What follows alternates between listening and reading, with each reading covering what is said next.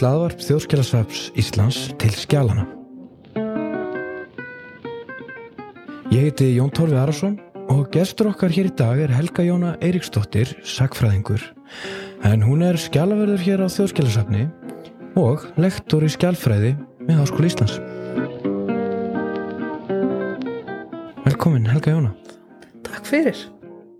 Uh, núna í nýjasta hefti tímaritt sögufélags sögu, þá er grein eftir þig Mm. á sviði skjálfræði. Hún heitir Skjálasöfn síslumann á átjöndöld um skjálfræði, mikilvægi upprunans og heimildagildi skjala. Já, Hvað er það fara Helga? Hvað er, hvað er skjálfræði? já. þegar stort er spurt sko. Já, hvað er skjálfræði? Ég, ég átti alveg í smá erfileikum með að skilgreina þetta því að þetta er kannski ekki uh, hefur kannski ekki mikið verið uh, notað hér á landi þó þetta sé kannski heilu fræðigreinarnar erlendis má kannski þýða archival studies eða archival science sem uh, skjálfræði. En það hefur aldrei verið kent beint hér á landi þó að, að það hafi verið eh, svona vísir af því auðvitað hjá sakfræði, nei, jú, í sakfræði tilt háskólans verið að kenna skjálfræði.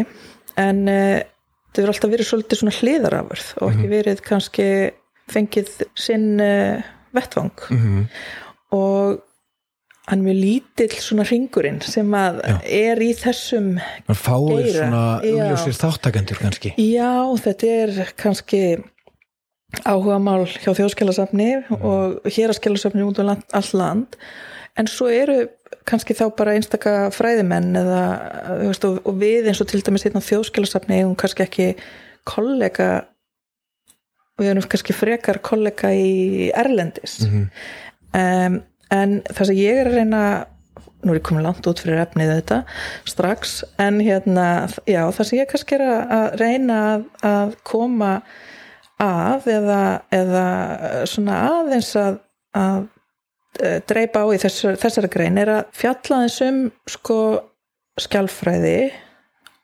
og mikilvægi fyrir uh, bara tengsli við sagfræðina og tengsli við uh, skjálasöfn og heimildaleit og heimildagildi og allt þetta og til að svara upphjóðlega spurningunni þá er mitt þá lendi ég í smá vandræðum sko, til þess að, skilgreina hvað væri skjálfræði -hmm. en þetta er svona fræðigrein sem fjallar aðalega um sko rannsóknir og kenningar um uppbyggingu og viðhald skjálasafna mm. og Sveinbjörn Rapsson er kannski helsti eða prófessor, kannski helsti aðilinn hér á landi sem hefur eða skrifaði fyrst eitthvað um mm. uh, skjálfræði í riti sínu sem kom út hvað 1980 og þá kallar hann skjálfræði einmitt nýjerði Já. Í, í íslensku. Og hann tengdi það svolítið þá meira við kannski fornbrifafræði Svona handritafræði. Já, svona einhverja handritafræði og, og það sem að hefur kallað diplomatics á ennsku það er svona greining á skjölum og frekar, þetta er auðvitað allt nátengt Mhm. en hefur kannski ekki meiri mikið notað í íslenskum rannsóknum. Mm þar sem að- að við höfum ekki haft mjög margar íslenskar rannsóknir bara á skjölum -hmm. og skjalasöfnum því að við erum alltaf að skoða innihaldið Já. frekar Þú, ert þá kannski að skoða formgerðina og uppbygginguna mm og hvað? Hugmyndin er að meta gildi skjalan er það ekki? Jú, tilgangurinn eru þetta að átta sig á sko, hvers gildi er skjalið og, og upprunni í rauninni þessarar forbrifafræði eða diplomatics var í rauninni að e, reyna að sanna sko, eða reyna á sannleik, sann gildi skjalsins að, að það væri rétt uh, og ósvikið er í rauninni það, að það væri, að því að þarna lágu eignar heimildirnar þarna voru kannski, þetta gæti skipt sköpum um, um hérna gífalegum peningar upphæðir kannski og heilu landsvæðin sem gáttu skipt sköpum hvort að hver átti eftir því hvort að skjali var rétt eða svikið eða sem sagt e, satt eða eða ósatt. Já. og það er einmitt talað um í þessum fræðum kannski að, að skjöl geti haft þau getur verið lögfræðilega rétt þannig að þau hafi ákveðin svona uh, hafi ákveðin réttindi fyrir eða, eða séu gild fyrir uh, dómstólum mm -hmm. þau geta haf verið sagt, skjálfræðilega rétt þannig að þau uppfylli allar þær þær hérna komum að segja svona þá formgerð sem að settur fram fyrir þessa tegund skala svona tikki öll bóksin þar og svo getur það líka verið sagnfræðilega rétt þar sem að þau segja sannlega frá einhverjum atbyrðum sem raunverulega gerðust Mm -hmm. og skjöl þurfa ekki uppfylla alla þessa þessa mismunandi þætti en þau geta, þau geta gert það og þau geta, geta líka bara einn eða tvo og það er svona þessi svona mismunandi kannski aðferðir sem við höfum til að skoða þetta eh, heimildagildi. Við tökum til dæmis kannski öðruvísi á skjali sem að er ekki svona óþektur upprunni uh, og við vitum að það, það er ekki neinu samhengi við vitum ekkert meira en bara það sem stendur á blaðinu. Það hefur minna gildi það sem stendur í einhverju skjali ef að það stendur ekki samhliða hvað maður að segja, er í rétti röðu eða réttu samhengi eða? réttur samhengi, akkurat sko er, nú hérna er þú kannast þú vel við til dæmis hagsögursafni og þar sem dæmi getur við skoðað bara verslunabók úr óþekktri verslun sem að við höfum enga tengingu við neitt safn, við vitum ekki hver verslunin er Mhm. við vitum ekki hverjir eða hvar á landinu eða hverjir voru að versla eða bara í hvaða samhengi hún er þetta er bara stök verslunabók og hún er rauninni bara heimild um almennt um verslun á þessum tíma Mhm. en síðan er leið úr komin með hana í samhengi við stærra safn, þar sem hún er uh, hlut af einhverju stærri heild þar sem hún er hérna þar sem við þekkjum upprunan við þekkjum uh, hvaða verslun þetta er við þekkjum uh, kaupmannin Mhm. Við vitum hverju versluðar við vitum í hvað samfélagi þú veist, við, við, við getum farið að nota hana sem miklu, miklu meiri heimild. Við getum vita þá já, þarna var þessi að versla þetta og, og þeir hafa kannski hist þarna í búðinni og, og svona og setti þetta í samhengi við allt samfélagið á staðnum.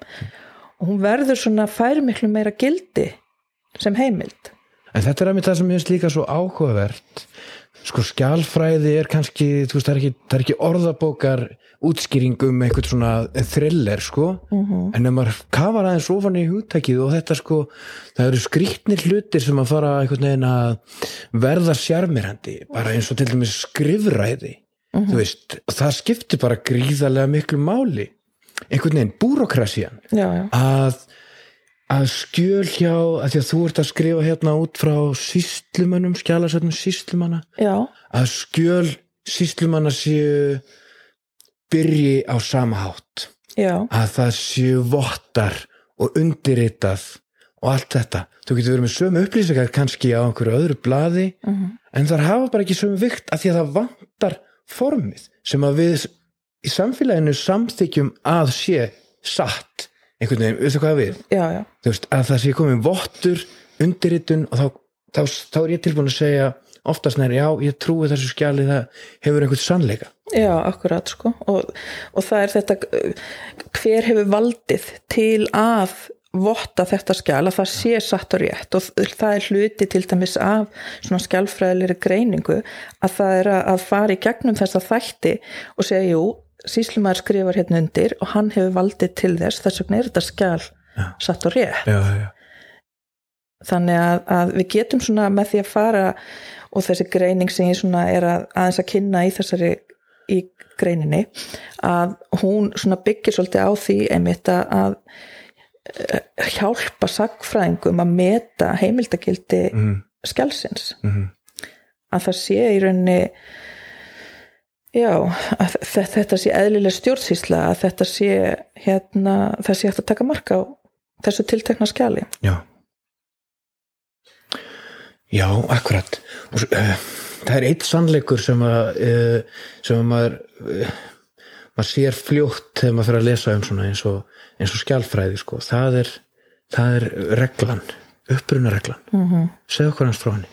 Upprunareglan, já.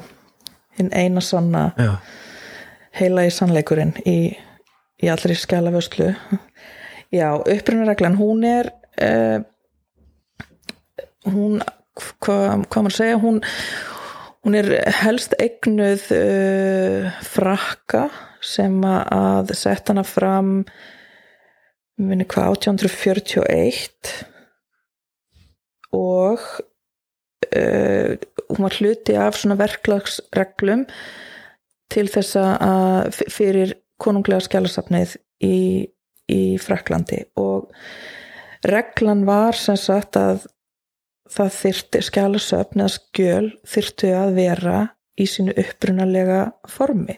Já, og það þýðir rauninni bara það að það sem að týðkæðist kannski svolítið á þessum tíma var að menn voru svolítið að taka kannski, hvað maður segja, búa til pakka fyrir, til, fyrir fræðimenn til að rannsaka eins og að flokka skjöl eftir efni. Einmitt. Og voru þá kannski að ruggla svolítið saman skjölum úr mismunandi embættum eða frá mismunandi skjalamyndurum og skjalamyndar er náttúrulega bara það, það einstaklingurinn eða stopnunin eða embættið sem myndaði skjölin. Mm og uh, þetta var kannski svona svolítið ansvar við því að, að það ætti ekki að taka skjalasöfnin og brjóta þig upp Nei. heldur að leifa þeim að liggja eins og þau urðu til af þeim sem bjó skjölin til Já.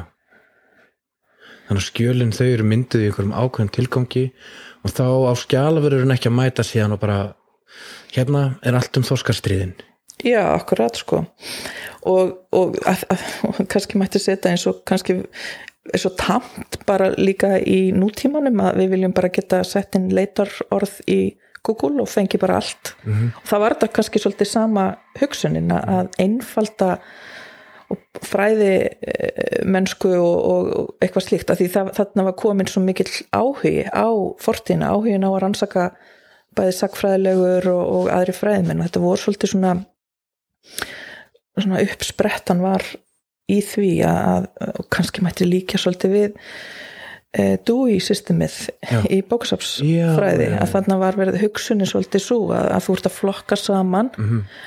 gögg sem að e, er um sama efni já, já, skiljanlega kannski bara en það sem gerðist þá var að þá tókstu skjölin úr þessu samhengi sínu sem þau voru upphaflega myndið í og þar að leiðandi mistuðu daldi heimildagildi sitt.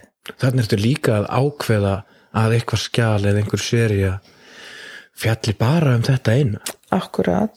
Já, já, og, og þú ert svolítið að taka þetta er orðið huglegt mat mm Mhm. skjalavarðarins.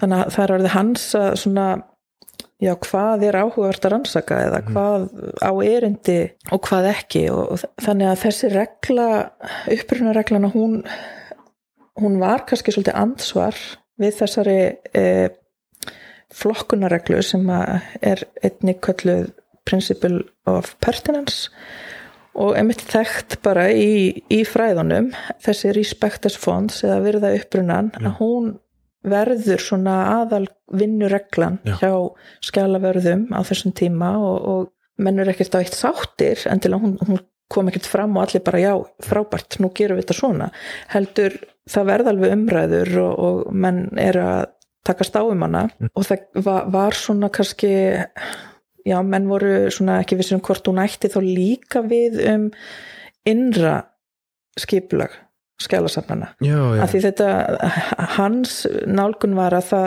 hvert safn ætti að halda aðskildu frá hverju embætti, það var svona upprunin, Mhm. þannig að ætti ekki að blanda embættunum saman já, eða skjálasöfnum frá mörgum embættum eins og var gert í þessari endurflokkun Mhm.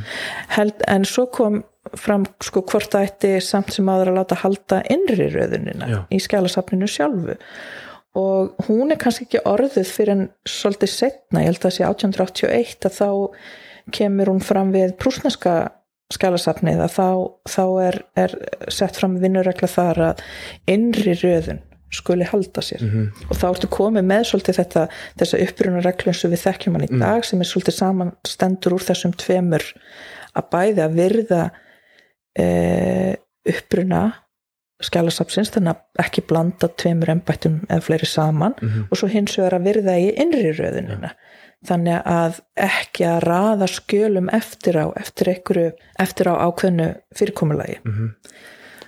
og það er og þetta er bara vinnuregla sem við erum að vinna enn þann dag í dag eftir. Og a- allar svona reglur og, og, og vinnuleipinningar miða af Já. En þetta er nú ekki svart og hvít. Það er alls konar ins and outs, getur maður sagt. Uh, þú talar um í greinni þinni, sko, uh, sem sagt síslu söfnin sem er náttúrulega mjög stór hluti af okkar stjórnsýslu söfnum hér. Já, er það ekki? Já, Jú. þetta er allavega mikilvæg hluti af safnkostunum. þetta er mjög stór, ég man ekki hvort ég hafi nú tekið saman hversu margi kílómetrar af skjölum þetta væru hérna. En jú, þetta er mjög stór hluti af líka af því að þetta eru náttúrulega líka ein af elstu sko nú starfandi embættum Já, okkar tíma. Þannig að sagan er svo langt aftur þó svo við eigum kannski ekki skjölin alveg frá landnámi nánast en, Nei. en en þá- okkar elstu, sko, svona verallegu stofnanir já, hlýtur að vera, sko. já, ég held að þessi kirkjan bara að, En sko, þessi söp berast okkur hérna á þjóðskjálsafni fyrir meirinn hundra árum, stór hluti af þessu og þá í alls konar ástandi og svo er alls konar, maður að segja, spilast inn í húsnæði, húsakostur, sapsins, starfsmannafjöldi og ýmislegt svona söfnin, þau er ekki fullkomlega, þeim er ekki fullkomlega uppræða samkvæmt þessari reglu það.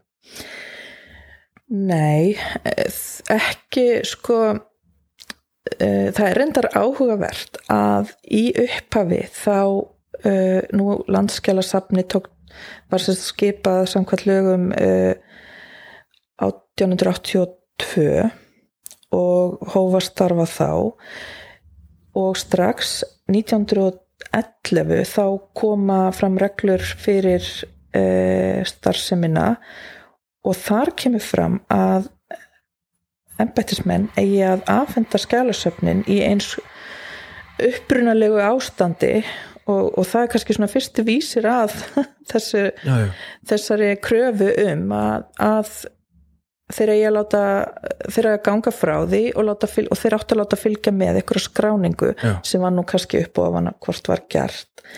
En uh, við höfum reyndar hérna í brefasafni þjóðskjálasafs uh, lista yfir brefaböggla sem kom já, á þessum tíma þannig að það var eitthvað vísir að skrá. Já, já, en uh, Jón Þorkelsson sem þá var landskjálavörður hann segir sjálfur bara að söfnin kom í mjög mismunandi Já. ástandi og þau voru höfðu náttúrulega uh, verið geimt við ýmsar aðstæður og, og, og það má kannski segja að hann, hann innkallar þessi skjöl í upphafi 2000 aldar og þá er það af kröfu í rauninni síslumanna sjálfur því þeir hefðu bara ekki pláss fyrir þessi skjöl, þeir voru með þetta heima hjá sér eða og, og þannig að það gefur kannski að skilja að gögnin eru bara í alls konar ástandi mm og þau hafa kannski ekki verið skipulega haldið nei, heldur verið potað hingað og þangað í geimslur eins og hægt var og svo borist hingað. Og hann segir að stundum voru brefasöfnin bara í ykkur hrúu já, og hann hafi reynd að raða þeim eftir árum já, en alls ekki eftir brefa dagbókanúmerum Nei. sem þau ættu kannski helst að liggja í já, já. af því að þau eru öll mert flest öll með einhverju dagbókanúmeri og það væri hægt að fara í að raða eftir þessu númeri en þau þetta, það er náttúrulega gífuleg vinna Já. og þannig að þetta er alltaf já, ég má kannski segja að þetta er svona eitt af elstu uh, fortíða vandamálum þjóðskjálasafs, það eru þessi sísluskjálasöfn og það er nú búið að fara í nokkrar tilraunir til að skrá þau betur og, og nú síðast bara uh, í kringum 2010 og þau eru nú loksins orðin aðgengileg á netinu eða sem sagt á, á uh, skjálaskrá vefnum. Mm þannig að það er nú stór munur en það er alveg satt að þau eru kannski ekki algjörlega í upprunalegu horfi. Nei, kannski má segja að sumt af þessum söfnum sé í betra horfi. Því að við veitum kannski ekki nákvæmlega hvernig þetta var inn á kontor hérna, Nei, já, þú veist sko. já, síslumennum sem voru nú á sig, þú veist, ekkert alltaf á sömu bæjum eða þetta er, þetta er ekki stopnanir eins og við þekkjum í dag með fast heimili. Nei, en, en það kemur samt nokkuð snemma sko tilskipnum að síslumenn verða að hafa fasta aðsetur. Já, og það er kannski það fyrsta sem skapar uh, tækifæri fyrir þessi svona skrifstofu hald og það verða þá til og ég minna skjálasöfni sem eru varðveitt í dag er í rauninni bara maður sér það alveg að það er út af þessum tilskipunum að, að þeim, er, þeim er gert að hafa fast aðsetur Já. búa í síslunni og hérna og afhenda eftirmönnu sínum uh, skjölin já, Nei, en í, í einmitt hérna að þessi grein byggir á sagt rannsókninni minni sem ég vann eh, emmaritgerðinni minni um einmitt embættisfæslu síslumanna á 19. öld og það rannsakaði eh, þrjó, þrjár síslur og skoðaði meðal annars veitingabref eða erindisbref síslumanna þar sem að, að því ég var að leita að sko laga grundvölli, af hverju eru þér að halda þessi skjöl, Já, já, hvernig, já. er upp, hvernig verður þetta af hverju sest það niður og af hverju já, ég heyr alltaf að byrja að skrifa dómabók, þú veist, að einhvers staðar kemur þetta, mm hver er vísirinn að þessu, þessari stjórnsýslu? Og markmiði var auðvitað að reyna að finna laga grundvöll fyrir öllum þessum skjölum Já. sem liggja í síslusöfnunum um mitt til að sína hérna að þeir e, voru auðvitað bara að, að sinna sinni skildu uppfylla kröfur bara frá sínum yfirbóðurum já og hérna frá konungunum og, og það er í þessum veitingabrjöfum að þá finn ég það að það kemur, það er talið upp hvaða bækur það eru sem þeir eiga að halda. Já, og í þar kemur líka fram einmitt skilda þeirra til að uh, koma skjálasafni eða skjölunum sínum áfram til síns eftirmanns. Já, og þar, þetta er er það sem ég tela að sé svona grundvöllurinn að því að þessi skjálasöfn séu varðveitt já, í dag. Um mitt það er þessi hérna, þessi skilda Já, hvað, afhendingar skilda? afhendingaskilda já. Já, þannig að þetta er svona kannski með fyrstu afhendingaskildum aðilum. Já, já, já. Uh, sem er svona orðið. Já, þannig að sýslumadurinn er skildur að afhenda eftir manni sínum skjálasafnið svo hann megi við elda því. Akkurat sko og svo, svo kemur uh, eftir að landskjálasafni er stopnað að þá kemur afhendingaskildan til landskjálasafs, síðar þjóðskjálasafs Já, við erum alltaf bæði hérna sakfræðingar og svo þetta er kannski pínvildi svona lítill brennipunktur sko en þegar ég hugsa sko um, um skjálasöfn síslumanna, þetta er alveg brjálæðislega áhugavert mm. að því þarna ertu með bækur sem hafa bara alveg fullkomi gildi en það dag í dag.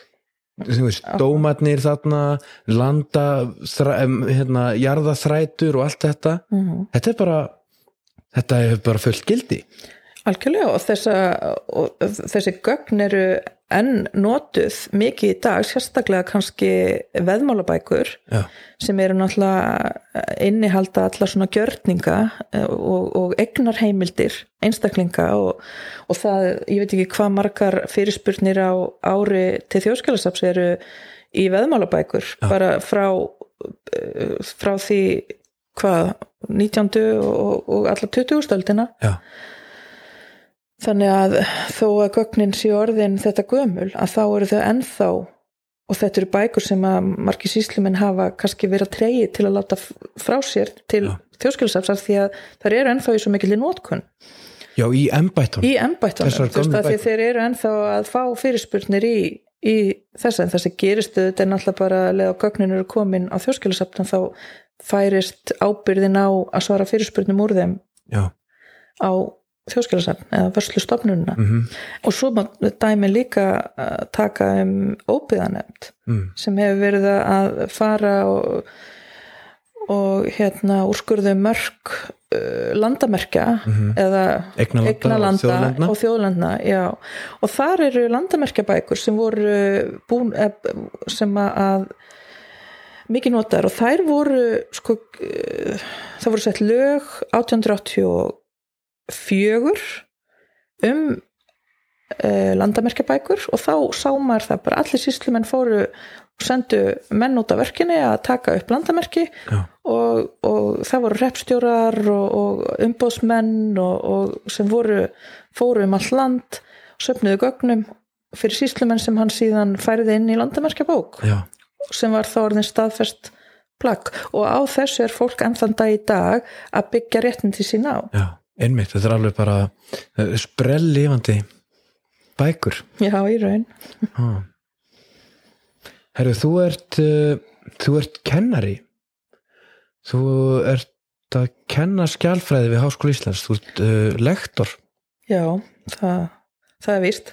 Hvað hérna hvernig hefur þetta gengið, er ekki hefur ekki að hvetja fólk til þess að sækjum er ekki að þetta sækjum í, í skjálfræði e, umsóknar fresturinn er endar nýrunnin út Nú, já, já, en það er alltaf næsta ár. Já, en hérna, jú, þetta uh, ég var náttúrulega svona sjanghæð inn í þetta uh, hún Kristjana Kristinn sem hefur kent þetta síðisliðin 25 ár uh, fór í rannsóknarleifi Mhm. og ég er búin að vera að lesa hana af núna síðasta vetur og mun taka við af henni núna í ágúst sem lektor og þetta er búið að ganga bara ótrúlega vel og búið að vera mjög skemmtilegt. Það var hérna það var smá breyting gerð á náminu síðasta haust en þá var það fært af bjasti, það hafði verið lengi vel aukagrein. Fyrst var það uh, valfag bara í, í, á, hérna, í sagfræði á bjasti, svo var það aukagrein á bjasti og núna er þetta orðið að diploma í hagnitri skjálfræði sem sagt 30 eininga diploma á mistrastíði þannig að og það opna kannski svolítið uh, dyrnar fyrir fleiri nefendur það eru þá, þá þýðir bara allir sem hefa lokið uh, einhverju, grunnami geta sótt um og, og komist komist í, í og tekið diploma Mhm. og þetta eru sem sagt miðað við eitt ár. Þannig að nú, núna eru fyrstu nefndinir að útskrifast með diploma í hagnitri skjálfræði sem er bara mjög skemmtilegt. Og já og þetta það, það er mitt, það var bara gaman að segja fyrir því að það var bara mikil sprenging í, í hérna, mikil ásókn Mhm. þennan fyrsta vetur. Og hérna þannig að þetta búið að vera mjög skemmtilegt. En hérna mjög kræfjandi líka. Já, verandi svona uh, fyrsta kannski að já, taka við þessu svona uh, já, svo var hann að farsótt líka. Já, æ, þessi, þessi COVID. Jú, jú, sem gerði það að verkum að við þurftum að hafa allt í fjarnámi. Mm en það hefur gengið bara ótrúlega vel og, og þó að sé kannski erfiðar að ná tengslu við nefndur svona í gegnum tölvu að þá er þetta samt búið að hérna að, mér, að mínu mati þá hérna hefur þetta gengið rosalega vel Já. og ég hef bara heyrt jákvæða hluti, ég myndi náttúrulega ekki heyra það. Nei, nei, neikvæða hvað nei, sem er held ég. En, en ég held að þetta hafi bara tekist vel.